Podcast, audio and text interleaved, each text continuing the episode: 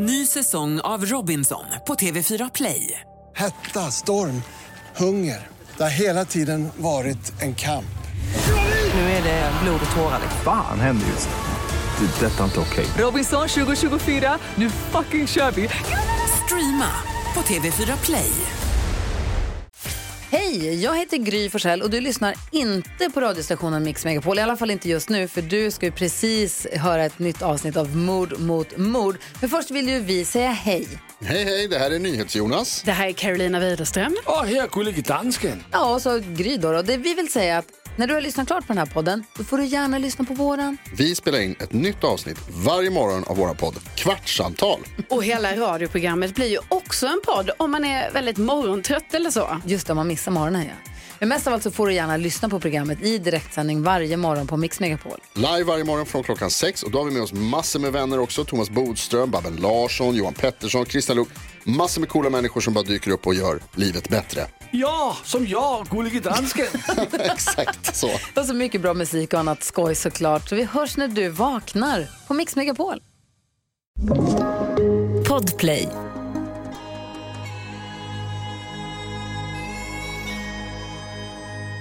Precis nordväst om Skottland, i Atlanten, ligger en liten ögrupp som heter... Ja. Varför låter du sådär? För att jag älskar den delen, alltså att det utspelar sig någonting där. Så Jag bara- jävla jag läskigt. Blev, jag blev bara rädd att ja, du satt och väntade på att säga att vi har gjort det. Du får inte vara så exalterad så tidigt in. Okej, jag fortsätter.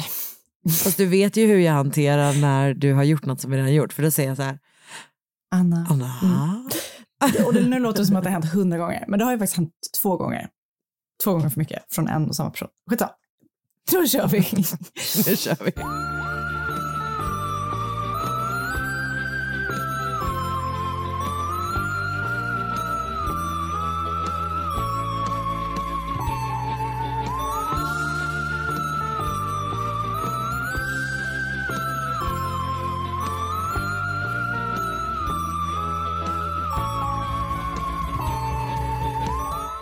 God morgon, god kväll, god dag, god eftermiddag. God eftermiddag och välkommen till Mord mot mord.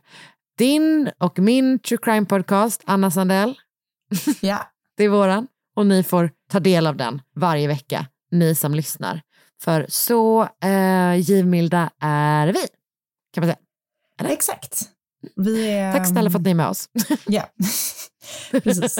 Vi vet inte hur, vi ska, om vi, hur kaxigt vi vill lägga upp det. Jag vet, jag la mig verkligen, jag började kaxigt och sen la jag mig alltså, Platt. så platt.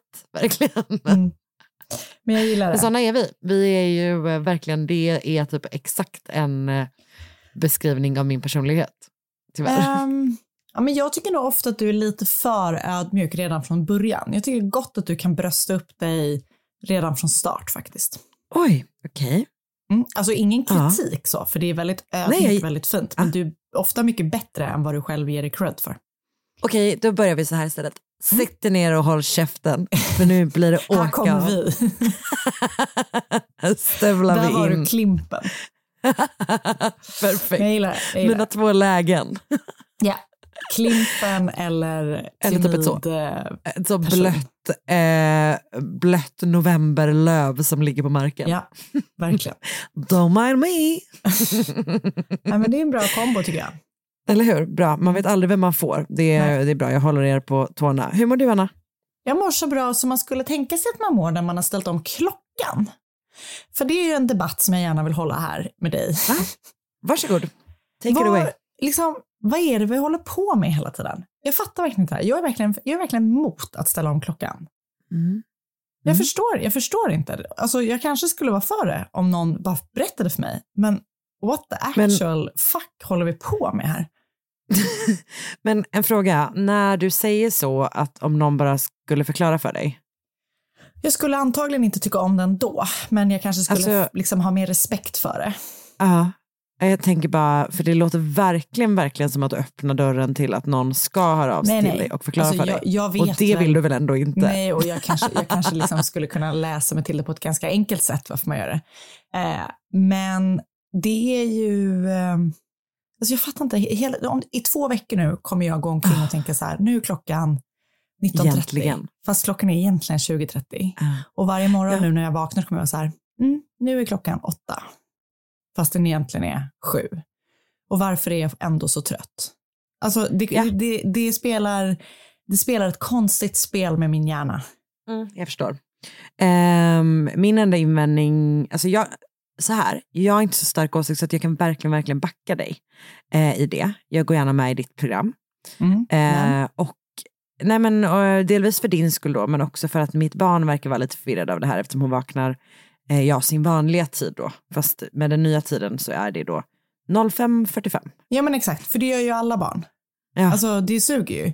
Och så nu har jag Har blivit någon den här personen som man själv barnen? hatar. Nej, men, och har någon tänkt på hur man framstår som förälder när man är så jävla trött när alla bara, vad skönt det var att man fick en timma extra helgen. Och jag bara, nej, inte för mig. För min, min dotter vaknar 6.35 varje morgon. Inte nu, nu vaknar hon 5.35. 5.35. Japp.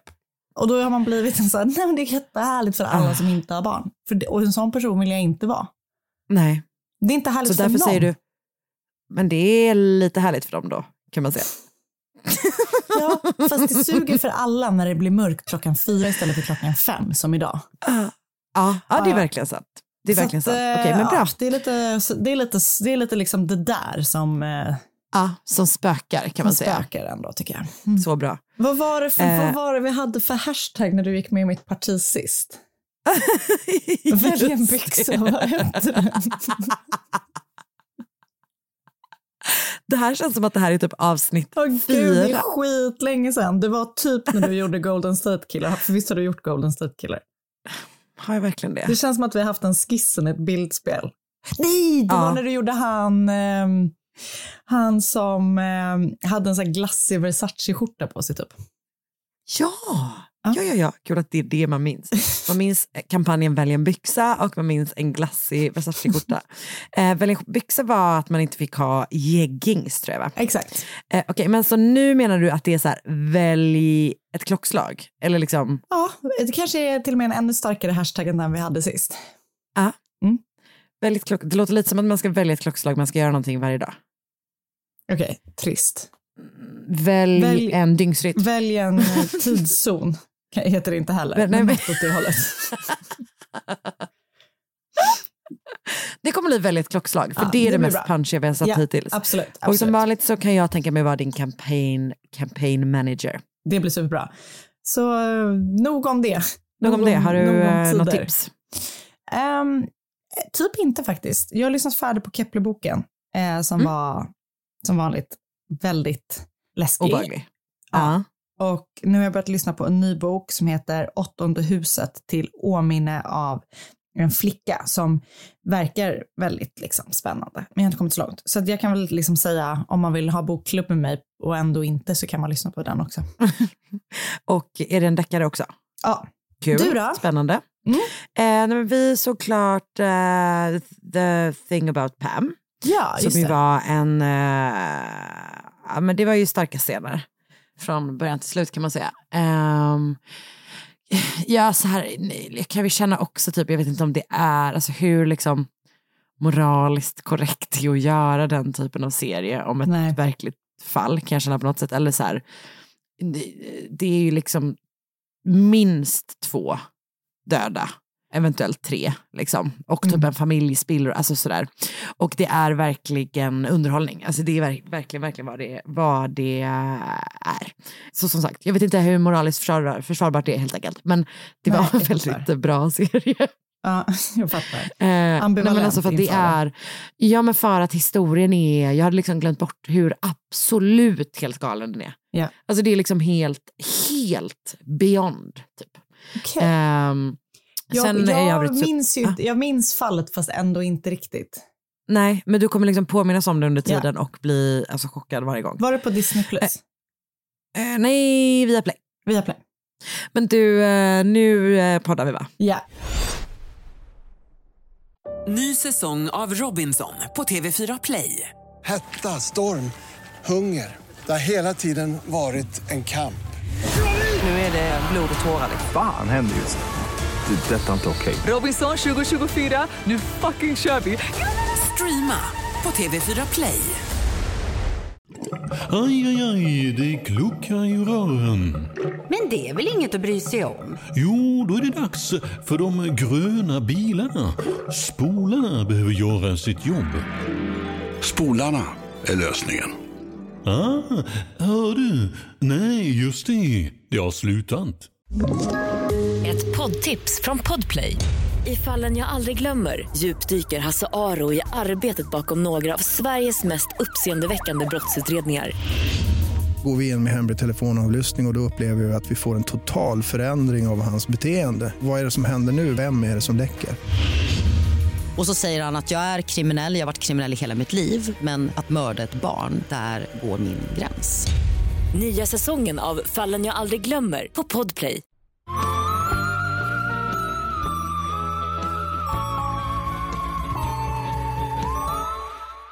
Är du med? Jag är med. Nona Dirksmeyer föddes den 26 december 1985 i Zachary, Louisiana. Hennes föräldrar hette Paul och Carol och de fick sex barn totalt, fyra söner och två döttrar. Eh, Nonas pappa Paul dog dock när hon bara var tio år gammal, eh, vilket ju förstås är en stor tragedi för familjen, men det kommer senare visa sig att för Nona så var det liksom inte så enkelt, eller vad man ska säga. Okej. För att hon kommer då några år efter pappans död att berätta för sin mamma att han utsatte henne för sexuella övergrepp. Fy. Och hon har då liksom hållit, det här är alltså långt senare, hon är tonåring liksom när hon väl berättar det här liksom. Ehm, så att hon har liksom hållit det här hemligt för i princip alla i sitt liv. Och, eh, eh, men hon berättar då till slut för sin mamma och för några andra i sin, sin närhet. Och hon har under också, alltså un- under sin uppväxt så har hon en del psykiska problem. Och tyvärr så tar då det här sig ibland uttryck i självskadebeteende. Men trots det här fruktansvärda som hänt henne och ja, hennes liksom mående då som, så verkar livet ändå så sakteliga typ vända under tonåren över tid. Liksom. Eh, familjen Dirksmeyer bosatte sig i Russellville, Arkansas. Och eh, Nona var då ganska blyg och tillbakadragen men också så här, alltså bland de kompisar hon har så är hon väldigt, väldigt uppskattad. Alltså hon är så här, snäll, smart, rolig att vara med, hon är målinriktad. Så att om man kommer henne nära så kommer man henne väldigt nära. Så Mm. uppfattar jag det. Liksom. Jag fattar. Hon hade också en otroligt vacker sångröst och älskade att sjunga och hon typ, du vet, så här, sjöng i kyrkokören och sådär. Hon var också eh, väldigt vacker själv och 2005 så övertalade några av hennes kompisar henne att vara med i skönhetstävlingen. Alltså, jag tror att de säger Miss Pettit Jean Valley, men det uttalas, alltså det stavas som petit, men jag tror att, alltså att det heter Pettit för att det är området eller- tror jag. Okej, för jag tänkte annars kanske det är någon superstark eh, amerikansk, fransk uttalning. Eh, Ja, alltså det, ja, det känns ju som att det är det det är. Pettit. Men att det liksom, Miss men- Pettit. alltså det finns ett liksom Pettit Jean State Park. Så det Okej. liksom är, Ja, nej, det är ja, det är en plats helt enkelt. Ja, jag fattar. Så hon är med i den, den tävlingen och det här är liksom väldigt så out of her comfort zone. Och hon håller liksom på att gå under av nervositet innan. Men trots det så tar hon då hem titeln Miss Pettit Jean Valley. Med hjälp av sin vackra röst och sitt vackra ansikte. Men också för sin personlighet och för att hon liksom delade med sig om det hon hade varit med om. Och hon, eh, hennes, du vet man väljer ju någon sån charity, typ någon sån kås har de ju alltid i sådana skönhetstävlingar typ. Och hon har då att hon vill raise awareness om, eh, vänta, vad säger man, liksom skapa uppmärksamhet för, eller? Mm, mm. Eh, och, alltså om sexuella övergrepp mot barn. Det lät konstigt att skapa uppmärksamhet för Kring, det. Men, eh, kring problematiken. Eh, ja, mm. exakt. Mm, precis. Raise awareness. Det finns Eh, typ inte om- någon jättebra motsvarighet skulle jag säga. Nej men nej, alltså man ska skapa medvetenhet kring kanske. Ja. Men hur som helst, hon blir efter det här liksom väldigt populär och omtyckt i Russellville. Alltså hon är lite så här, du vet liksom stans beauty queen. Typ. Ja. Att folk tycker om henne, liksom. de är stolta över henne. Och hon var förvånad och jätteglad över vinsten och alla runt henne var förstås också superstolta. Men en av dem som var stoltast i publiken var Nonas pojkvän Kevin Jones. Så Kevin och Nona hade träffats i skolan och varit då ett stabilt par sedan high school. Och vid den här tiden så är ju hon typ 20. Och han såg nu då hur hans flickvän liksom blommade ut genom sitt nya pageant-liv och blir så allt mer självsäker. Och hon fortsätter då tävla och vinner Pope County Fair Queen vid ett tillfälle. Hon blir Miss Teen Mount Nebo och hon tävlar även i Miss Arkansas-tävlingen. Så det går bra, liksom. det går väldigt bra för henne i eh, skönhetstävlingsvärlden. Samtidigt som hon gör det här så utbildar hon sig också och hon läser på Arkansas Tech University. Det ligger i Russellville där hon är ifrån. Eh, konstigt nog, det heter Arkansas Tech University. Hennes huvudämne är musik. Jag vet inte riktigt hur det hänger ihop. Men så är det i alla fall. Om hon inte spelar kanske- bara sån elektronisk datamusik. Just det, att hon är typ, det var där Skrillex gick. Det var länge sedan. Eller hur? Kul. Top of mind. Ehm, och där så sjunger hon liksom i olika körer, och, eh, alltså i flera olika körer och engagerar sig också i Big Sister-programmet som är någon slags mentorskapsprogram. Och efter att hon är um, klar i skolan själv så vill hon liksom in i skolvärlden, alltså hon vill bli typ lärare. Liksom. Okej. Hennes mamma har då vid det här laget träffat en ny man och han heter Dwayne Deepert och de har gift sig och flyttat ihop. Ehm, det har lett till att Nona då har skaffat en egen lägenhet trots att hon pluggar i Russellville för att hon tycker att hennes styvpappa hade alldeles för hårda regler för hemmet. Att hon, var, hon är 19 är hon, eh, men det är 2005. Ehm, och hon tycker väl att så här, eh, rimligt nog då att jag är tillräckligt gammal för att inte typ bli superstyrd av en helt ny person i mitt liv.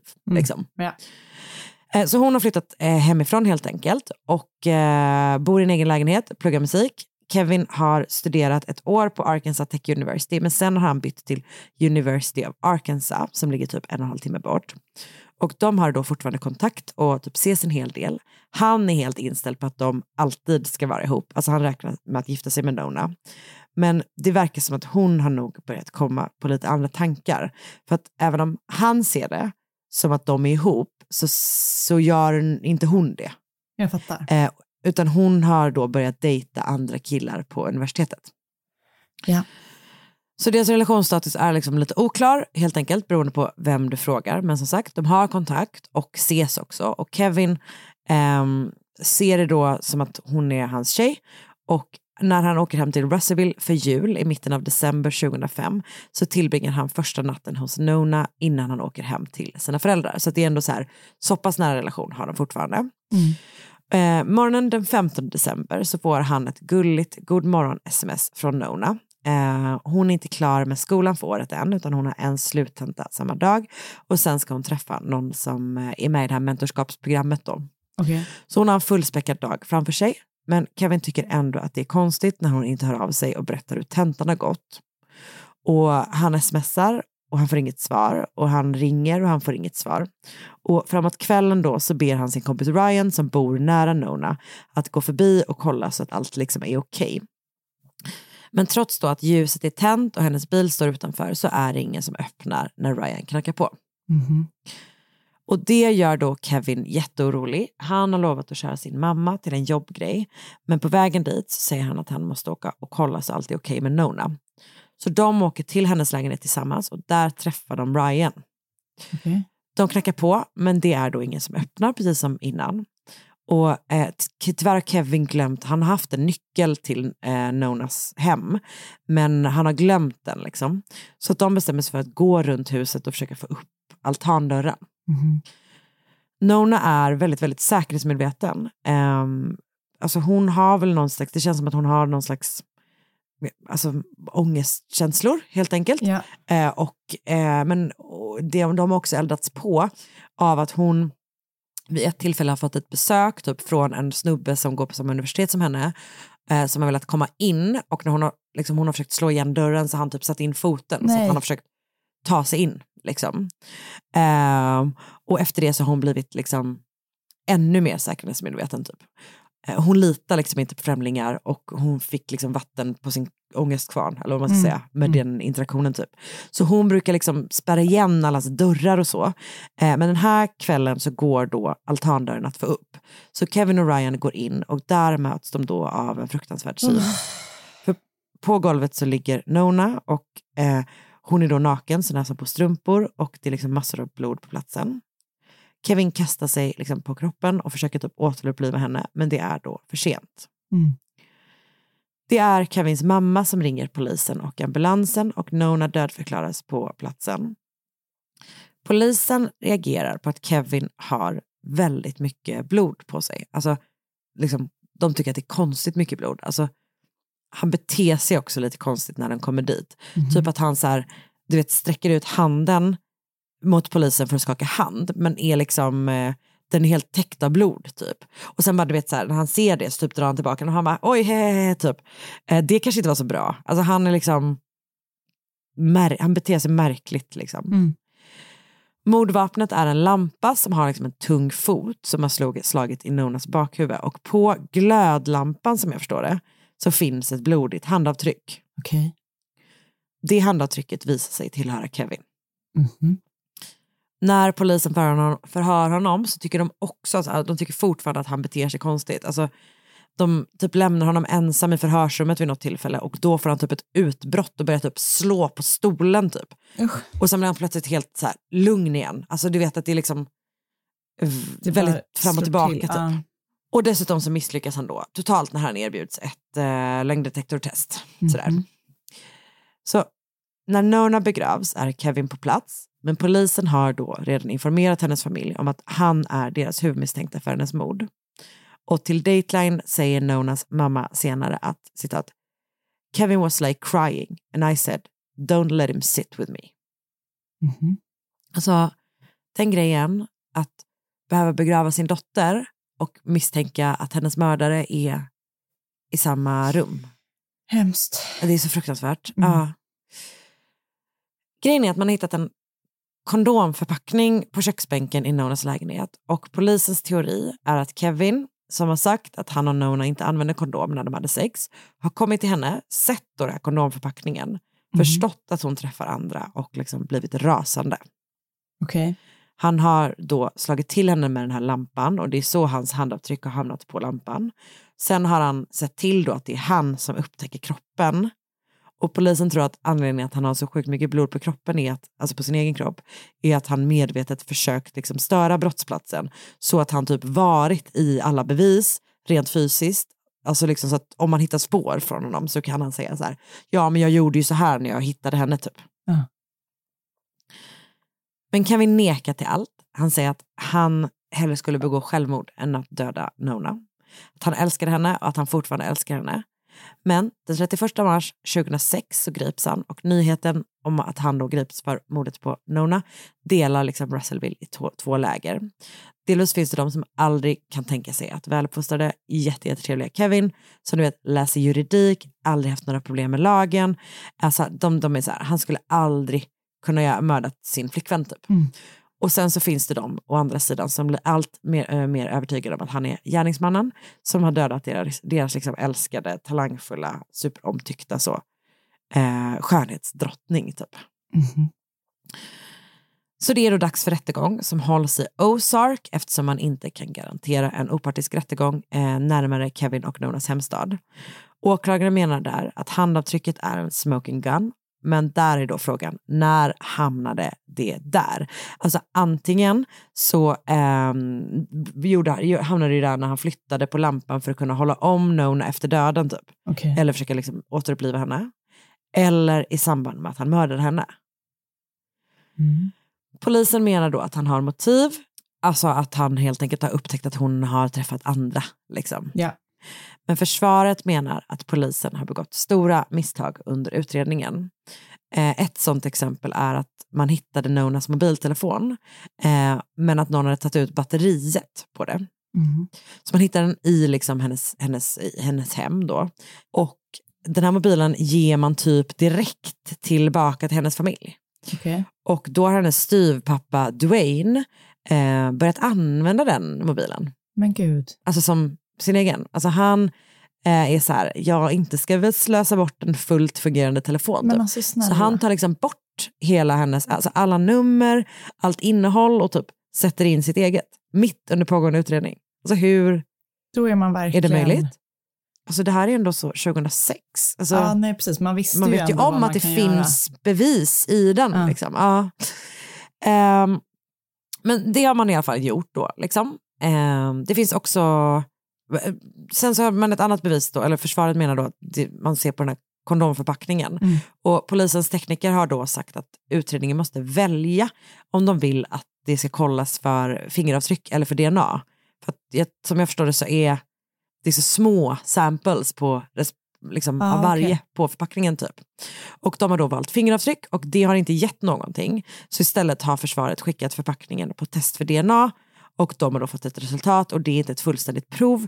Men man kan konstatera att det finns manligt DNA på förpack- förpackningen och att det inte är Kevins DNA. Det jag kan känna med det är så att jag förstår inte riktigt hur det skulle gå emot polisens teori. För polisens teori är Nej, är ju inte att hon har haft sex med någon annan. Exakt. Nej, exakt, precis. Men det lyfts fram som någonting som försvaret typ. Mhm. Alltså, jag antar att de menar så här, det är en man som har varit i den här lägenheten, för det ser vi på det här kondompappret, men vi vet inte vem det är och han är en annan misstänkt person. Ja. Så. Precis, placera Ehm, doubt. Exakt, precis. Och ehm, juryn tar då en och en halv dag på sig och sen kommer de tillbaka med sitt utlåtande och Kevin frias. Polisen är då tillbaka på ruta ett och börjar kolla på gamla tips. De har ju då den här DNA-profilen att testa emot och de är särskilt intresserade av en klasskompis till Nona som också har varit liksom, eh, ja men lite så intresserad av henne Mm. typ. De vill ha tag på hans DNA och det här är hur de får tag på det. De får en jämnårig tjej, alltså en annan tjej som typ går i skolan med dem, eller har gått i skolan med, med Nona och går i skolan med honom då, Mm. att gå på dejt med honom. Okej. Och eh, sen får de då restaurangen där de liksom äter på att lämna över hans sugrör, när han liksom är klar med det, till en polis som sitter i ett förråd inne på restaurangen och väntar på det. Alltså får man göra så? Jag tycker det känns helt sjukt. Det känns så jävla, ja jag vet. Men jag menar jag antar att det är samma sak som att typ, är det inte typ i Golden State Killer att de plockar upp några fimpar Jo, något sånt? Liksom? och de går ju så suppor Men och just- sånt, men det där känns verkligen, eh, jag, jag vet, vet, inte, det bara jag vet. känns konstigt typ. Alltså det känns verkligen, jag håller helt med dig, Mm. att det liksom är så här att de bara får någon att gå på dejt med honom. Jag vet inte, det känns inte helt uh, Väldigt kosher. speciellt. Typ. Ja. Men det gör de i alla fall och de får då tag på hans DNA och det matchar inte. Så det är inte han. Nej. Perfekt. Enligt en del källor så betalar, alltså det här beskrivs på två olika sätt. Enligt vissa källor så betalar Kevins föräldrar för en privat utredning av fallet för att rent för honom efter, liksom efter rättegången. Sådär. Ehm, och enligt de källorna som säger det så är det deras utredare som, på, som får upp ögonen för en man som bor granne med Nona. I andra källor beskrivs det bara som att så här, och sen upptäckte polisen en man som bodde granne med Nona som kunde vara intressant. Det är lite oklart. Men hur som helst, den här mannen i alla fall heter Gary Dunn och polisen har förhört Gary Dunn i början av utredningen men avskrivit honom som misstänkt eftersom han har alibi. Han säger delvis då att han aldrig har pratat med Nona eh, och sen säger han att han var och handlade med sin mamma den dagen och hans fru styrker liksom de här, det han säger helt enkelt. Men grejen med honom är då att han har en historia av att vara våldsam mot kvinnor. Han är vid tiden för Nonas mord villkorligt frigiven efter att ha attackerat en kvinna som heter Kelly Joe Fitzharris under en joggingtur. Han har då kastat ner henne på marken och upprepat I'm gonna kill you. Men gud. Och som tur är har då Kelly Joe lyckats fly till sin bil och han har efter det dömts för misshandel. Mhm. Så han har ju uppenbarligen en historia av våld, alltså våldsamt beteende mot kvinnor. Liksom. Ja. Och det här, vid den här tiden så har det gått typ ett halvt år sedan mordet på Nona. Ehm, och eh, det verkar då som att det är den här privata utredaren som lyckas slå hål på det här alibit. För att han var absolut ute och handlade saker med sin mamma den 13 december. Inte den 15 december när mordet ägde rum. Dessutom ger Gary Dunn av sin, någon outgrundlig anledning sitt DNA helt frivilligt. Och Kevins mamma betalar för att få det testat. Typ. Okay. Och man kan ju inte få en 100% match för att det här testet är inte fullständigt. Men man får en ofullständig match och det verkar då som att det här DNA, alltså det in, finns indikationer på att det här DNA på kondomförpackningen är Garys. Nej. Samtidigt som det här kommer fram så har en ny utredare tagit över Nonas mord och han tycker förstås att det här är superintressant och börjar liksom driva på det här. Mm. Vid den här tiden är Gary också misstänkt för ett inbrott hos sin styvfar. Um, och så har han också skilt sig. Mhm. Och det innebär då, som så ofta annars, att hans fru, hans numera exfru, som styrkte hans alibi 2005, eh, nu eh, har hon kommit på andra tankar. Alltså det är så Hon säger, ja jag vet. Alltså, jag vet. speciellt hemskt. Jag vet. Ja, och också tänk, alltså Men det känns som också- att det, det är någonting man ganska ofta hör om. Ja, och det är Att väl- man bara, och sen gjorde någon slut. Men för det som är så intressant är att man tänker så här, ja man kanske skulle liksom så här, man tänker att man, man är familj och typ man ska så här, skydda någon. Men det är din jävla man som typ har, alltså.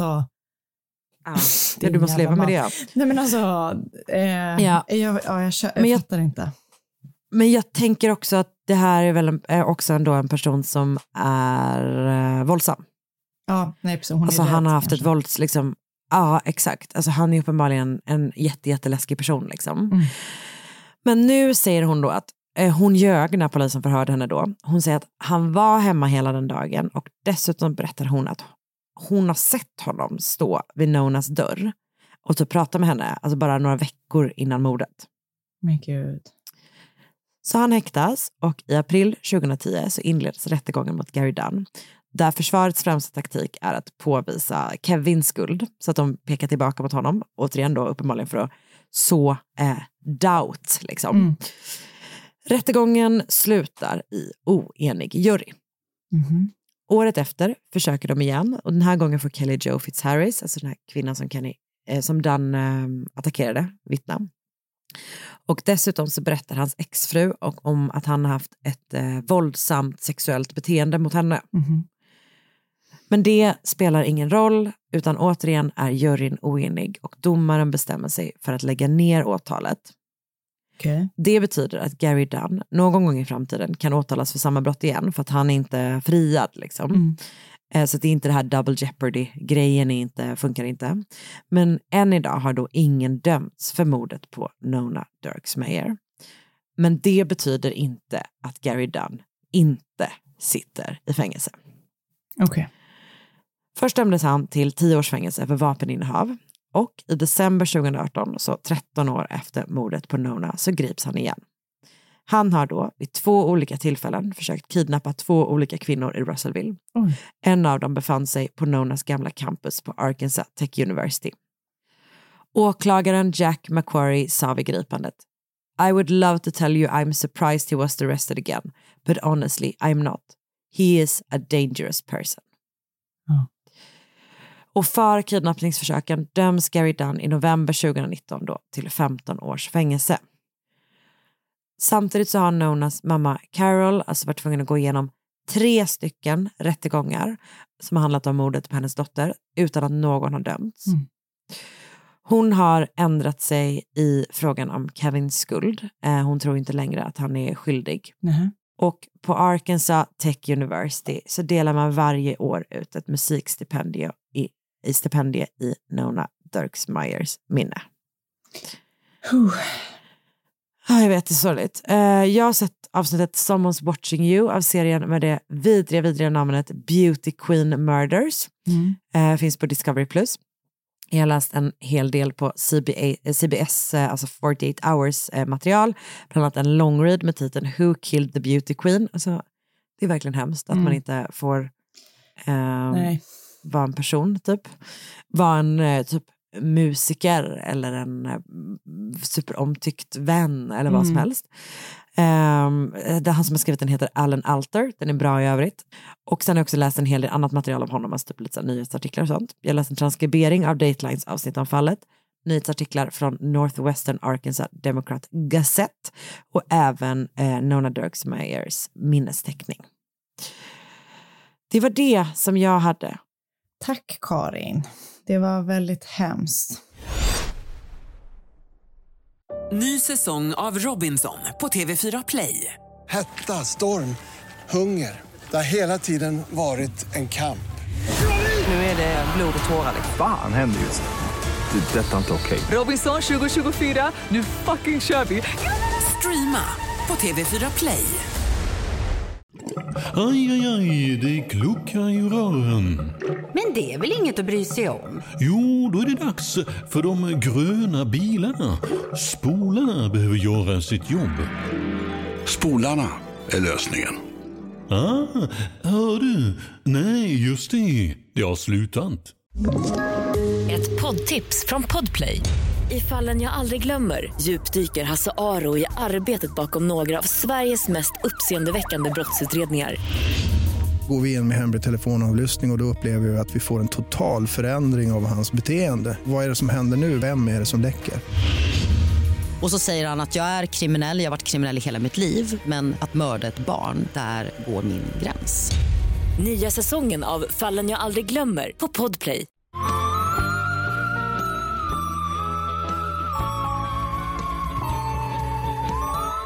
Precis norr om Skottland i Atlanten ligger en liten ögrupp som heter Flannan Isles. Och det här är då också känt som The Seven Hunters. Det här är liksom ögruppen. Och på en ö som heter Eileen Moore, eh, tror jag att man säger. Det låter så mycket bara som, som en namn, person. jag vet. Det låter så jävla mycket som alltså en person i ett fall vi gör från Australien där det är någon som dör på typ 60-talet. Jag vet. Jag tror att Eileen då är ett namn, ett gammalt namn för ö, tänker jag. För Isle, Ja. typ. Jag fattar. På den här ön då, så ehm, den du vet, har varit så här obebodd i hundratals, hundratals år. Det, det är så här klippigt, ehm, liksom. Ogästvänligt tänker jag ogästvänligt det. verkligen. På ön så ligger det liksom någon gammal ruin som är från ehm, en gammal präst typ, som alltså levde på 600-talet, som hette, som hette då Flannan. Som är då, liksom han är då namn, upphovsman till namnet. Ehm, så det är typ det enda som har funnits där väldigt, väldigt länge. Och man har då hela tiden trott att den här ön är eh, haunted då liksom av Flannan, S- Saint of Flannan eller du vet hans anhängare. Alltså det finns massa så här konstiga, eller konstiga, det finns massa tankar kring det här. Historier. Men i slutet då på 1800-talet så började man bygga en fyr på Eileen Moore som skulle guida skepp så att inte köra in i den klippiga kusten längs den lilla ön. Det, är alltså, är, det, det, det ser så intressant ut för det är alltså en jättehög ö och så är det liksom ingenting på typ, förutom den här fyren. Åh, gud. Mm. Och fyren byggdes färdigt 1899 och efter det så då flyttade det in såklart fyrvakter. Och de skulle då ta hand om fyren och så tända rätt lampor. Men då var ju allting väldigt manuellt och man var hela tiden tre på plats. Okej. Och man var tre, Wow, vad coolt det ser ut. eller hur? Mäktigt ju. Du får, inte, du får inte söka för mycket på det här nu under tiden som jag berättar. Nej, nej, nej, jag, jag bara bildgooglade lite Ja. snabbt. Så du kan berätta fallet med mig. Jag kan inte berätta någonting. Men det jag, bara vill, jag ville bara se det. Det ser så jävla coolt Mm, ut. jag vet. Så där bor det då, det är alltid tre eh, fyrvaktare, eh, väktare, fyrvakter eh, på gång, på, på, samtidigt. Eh, och, så, och när man är där, eller när de är där så är de där liksom flera veckor åt stöten. För det är verkligen så här, eh, det är svårt att ta sig dit, det är ofta hård sjö, så man blir liksom lämnad där och sen så blir man hämtad när man ska åka hem. Men man är tre pers. Tre pers. Och sen så är det typ en fjärde som inte är, du vet som kommer ibland. Alltså det, det, men det verkar vara minst tre hela tiden. Och sen så byts de Ja. av på olika sätt. Så, så den 15 december år 1900 så var fartyget Arctur på väg från Philadelphia i USA till Leith i Skottland. Och då passerade de just Flannan Isles och Eileen och fyren. När de liksom eh, kommer förbi fyren så märker kapten ombord att det är något som inte stämmer. För Okej. han noterar då i Arcters loggbok att man inte kan se fyrens guidande lampor. Och de ska ju liksom vara tända framför allt när det är dåligt väder. Och det var väldigt dåligt väder den 15 december 1900. Så det är därför han liksom verkligen ska reagera på det. Så han skriver ner det i fyrboken, eller i loggboken. Men han, det är inte så att liksom det är så dåligt väder så han inte kommit fram. Alltså de, de kör vidare och eh, fortsätter sin kurs till Leith och när de kommer fram då, tre dagar senare, så vidarerapporterade kaptenens anteckningar om bristande ljus på fyren på Island Moor till The Northern Lights Lighthouse Board, NLB. Gud, en riktig, en riktig skvallerperson. Nej, jag tror att han bara gör sitt jobb. Ja, okej. Han hänger ut några som inte gör sitt jobb. Det gör han, absolut. Okej, det är det så du ser. Okej, kom. Hmm. Ehm, Golare? har, Har de polare? Nej, nej, de har inga polare. Så är det faktiskt. Ehm, helt rätt. Okej, förlåt. Kör. Nej, men, eh, så The Northern Lighthouse Board bestämmer sig då för att skicka ut sitt skepp, skepp, sitt skepp, Hesperus, för att se att allt var som det skulle på Eileen Moor i The Flannan Isles. Och ehm, så liksom, de åker ut för att se att vet, så här, allting funkar som de ska, att de här fyrvaktarna har det som de behöver och du vet sådär. Men när Hesperus då ska eh, ge sig iväg, två dagar efter det att Arkter hade kommit till Leith, alltså fem dagar efter att Arkter har passerat fyren, så är det så hård storm så att skeppet liksom inte kan lämna eller det kan lämna, men, men det är så hård storm så de kan inte ta sig fram. Sex dagar tar det att ta sig fram. På en tur då som egentligen kanske tar tre dagar. Så det är hård storm. Saker och ting tog sån jävla tid förr i Nej, tiden. men det är faktiskt verkligen bisarrt när man tänker på det. Alltså det, man hade ju fått panik av att behöva vänta så länge. Slow living. Verkligen. Men sex dagar efter att Hesperus har lämnat eh, Skottlands kust så kommer det fram till Eileen Moore. Det de liksom lägger märke till direkt är då att det inte är någon flagga i flaggsången. Mhm. De reagerar också på att det vanligtvis brukar stå så här lådor på kajen som fyrvakterna ställde ut som behövdes fyllas på med förnödenheter. Men de stod inte heller på kajen som det brukade göra. Så när de är där nere liksom på bryggan, tänk att det här är högt, så det är inte att man liksom bara springer upp och kollar läget, utan det är liksom en ganska Ja, redig det är typ en gång, klättring typ. Ja. Så de så hänger sig på tutan för att se om de får någon kontakt med männen som jobbar där uppe i fyren. Eh, men det liksom blir ingen reaktion. Så då skickar de ut en namn, man vid namn Joseph Moore. Han får kliva i land. Så han, och han är liksom, han är ju där för att titta till dem. Så det är inte så konstigt att de skickar honom. Men han är nog inte helt glad ändå.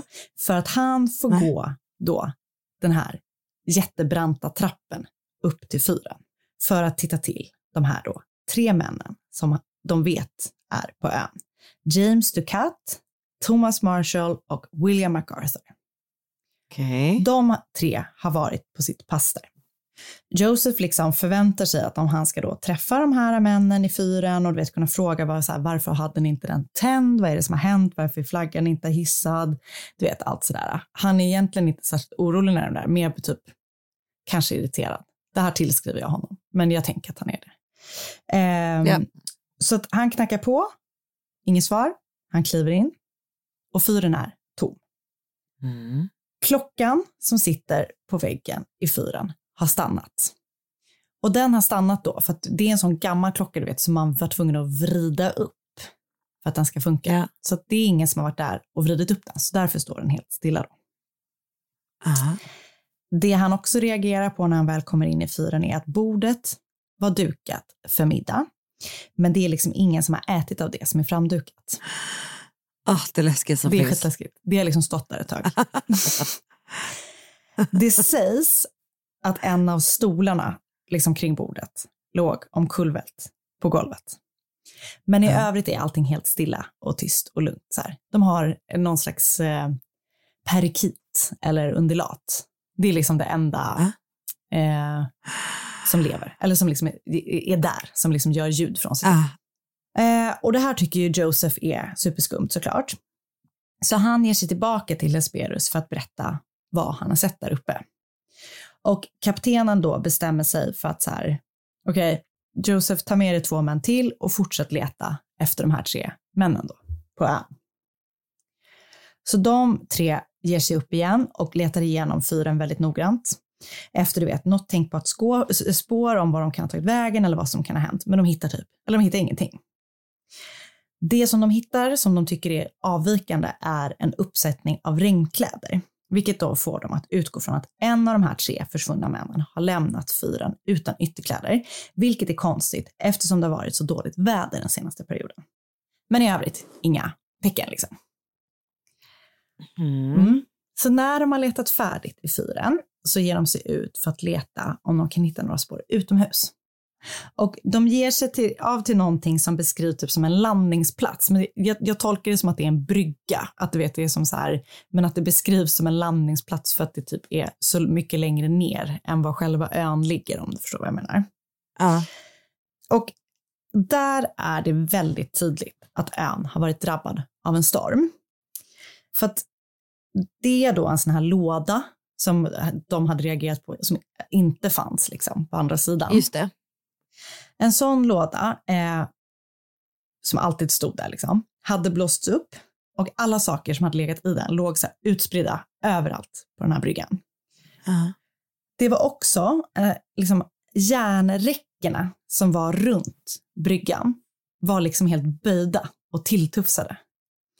Och eh, det hade legat en så här jättestor sten där, du vet, som vägde typ ett ton.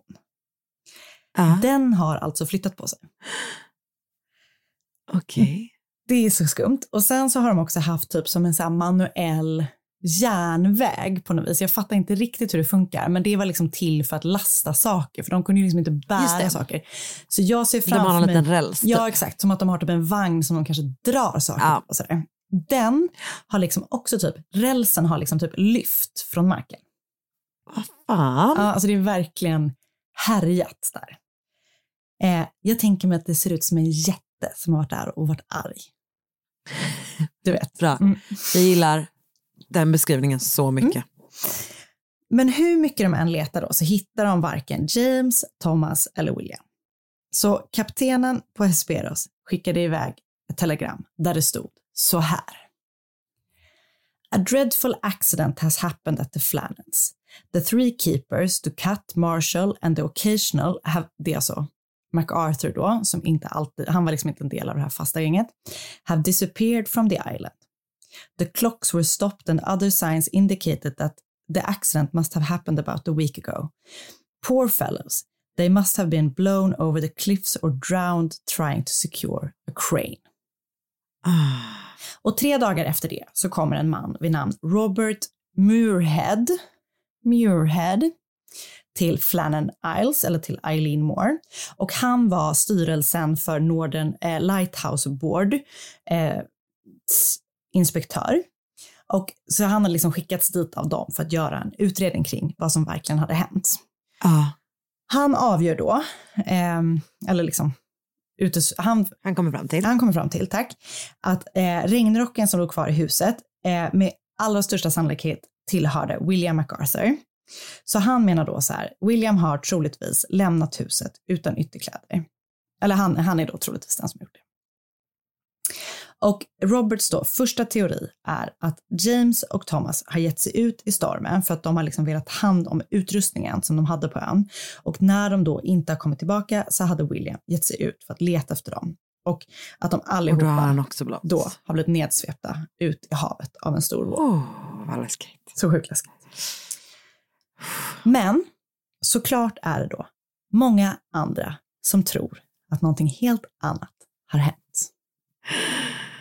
Bland annat så var det många som trodde att de tre männen hade blivit tagna av en kelpie.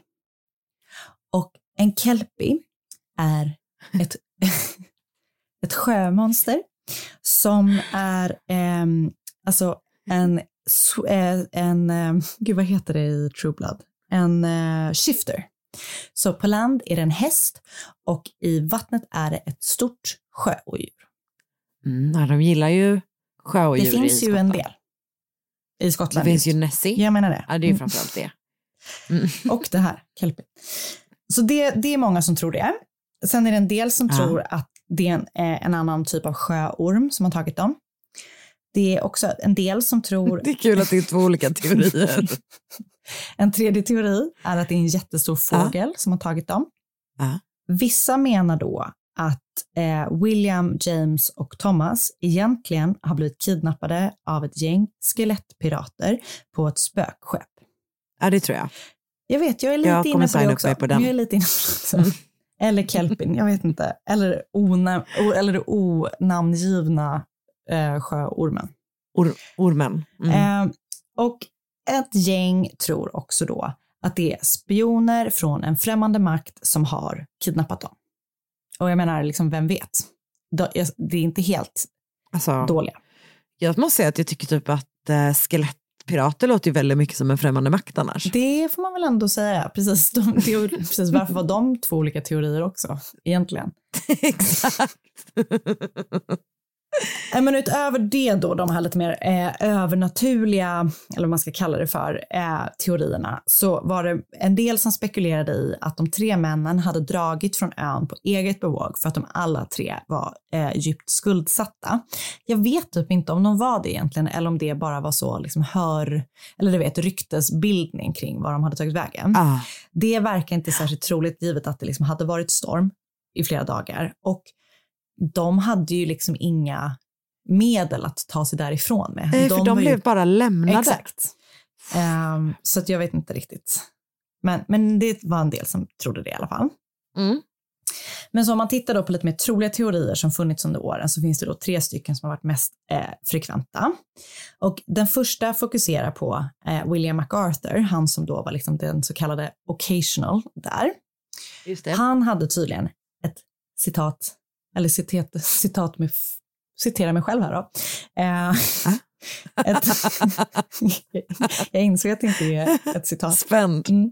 Han hade ett jäkla humör och ehm, det spekulerades i då att ehm, de har börjat bråka om någonting. Och jag Ah. menar, när man bor så där så känns det ju som att man skulle kunna bråka om typ vad som Om vad helst. som helst. Och att de då har hamnat i ett slagsmål på den här bryggan slash landningsplatsen och att de där har då alltså typ trillat i i slagsmålet. Typ. Mm.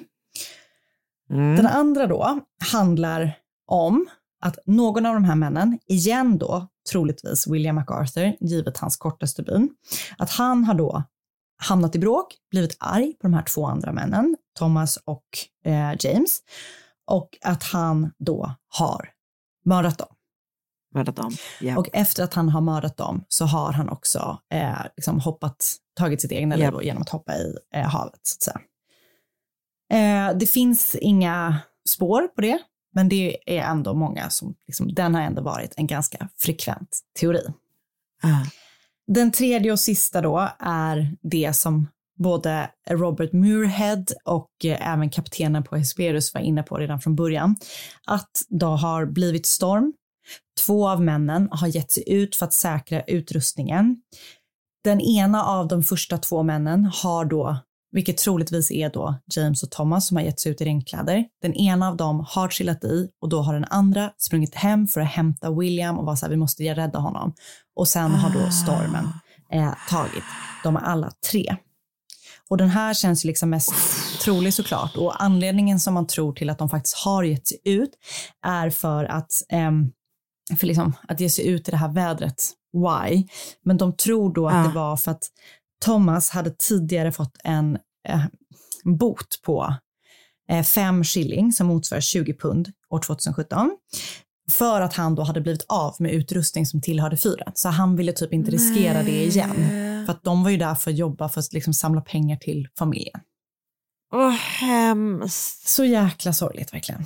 Men det är väl det som de allra liksom flesta ändå tror har hänt. Det låter ju ganska troligt. Ja, vissa tror ju också då att de har liksom blivit tagna av gudarna som ett offer. Alltså du vet, det finns massa sådana. Ja, Det tror jag också i och för sig.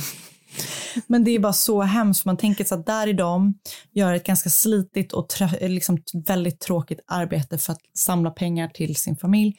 Och sen så Ja. gör han då kanske det här och så slutar det i sån liksom, otrolig tragik. Men ingen av kropparna har hittats och därför kan man ju såklart inte heller veta exakt vad som har hänt mer än att de tre är liksom försvann. Det är Ehm, så sjukt. Och det är så sjukt och typ lite obehagligt tycker jag. Alltså det är så här, det, det är ju en olycka men som hela har hänt såklart, men är hela obehaglig. Settingen är sjukt läskig. Ja, ja jag håller verkligen med. Mm. Ehm, jag tänker, mina teorier. Ja. Jag tror att det antingen är den här sista, det låter ju ganska troligt. Ja. Eller så har han mördat dem. Jag tror också någon av de två, absolut. För det, det, ehm, det är ju inte så att de hamnar i slagsmål och trillar i liksom. Nej, det tycker jag låter konstigt.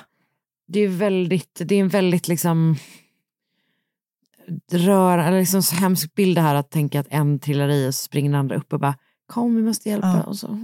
Och just den Ah, här paniken när man försöker hjälpa, alltså när man bara liksom förstår att bara så här, vi måste göra allt och sen så märker man att ingenting hjälper och sen så blir de äh, trötta kanske och nej, det Ja, är verkligen eh, otroligt Uff, hemskt. Vad läskigt. Ja. Oh, gud. Ehm, jag har Så, läst, så när åker vi? ja, men typ att man skulle vilja åka dit. Åh jävlar, här ser jag trappan med nu. Mm. Sjuk, eller hur? Uff, ah, jävlar Mm. vad läskigt. Jag vet. Eh, jag har läst The Flannan Isle Mystery, The Three Lighthouse Keepers Who Vanished av B.P. Perry på Sky History. Lite olika Wikipedia-sidor. Ett avsnitt av Stuff You Should Know, en podcast, och av det avsnittet heter The Flannan Isle Mystery. Jag har varit inne på en valutakonverterare på National Archives nationalarchives.gov.uk och sen har jag läst What was the Flannan Isle Mystery and what happened to the missing Eileen Moore Lighthouse Keeper på Discovery UK. Och sen så har jag lyssnat på en eh, podcast som heter Sinister Hood och eh, avsnittet heter The Flannan Isle Mystery. Har du hört att det finns en film där George Ja. Gerard Butler Ja, The Vanished kom 2019. Har inte hunnit se den. Blev lite sugen. Kul. Mm. Filmkväll, filmkväll alert. Jajamän. Du, det där var jätteintressant. Och alldeles, alldeles fruktansvärt. Och jätteläskigt. Ja, obehagligt. Eh, tack snälla du. Ja, men- Vilket konstigt fall. Eller hur? Lite skumt. Jättekonstigt. Det är inte varje dag man eh, har en kelpie eh, som misstänkt. I bakfickan. Eh, men hörni, vi hörs om en vecka igen. Det gör vi verkligen. Och ta hand om er tills dess. Och håll nu i er när kelpisarna kommer i höststormen. Eh, stormen. Hej då! Podplay. Ny säsong av Robinson på TV4 Play. Hetta, storm, hunger. Det har hela tiden varit en kamp. Nu är det blod och tårar. Fan händer just. Det. är Detta är inte okej. Robinson 2024, nu fucking kör vi! Streama på TV4 Play.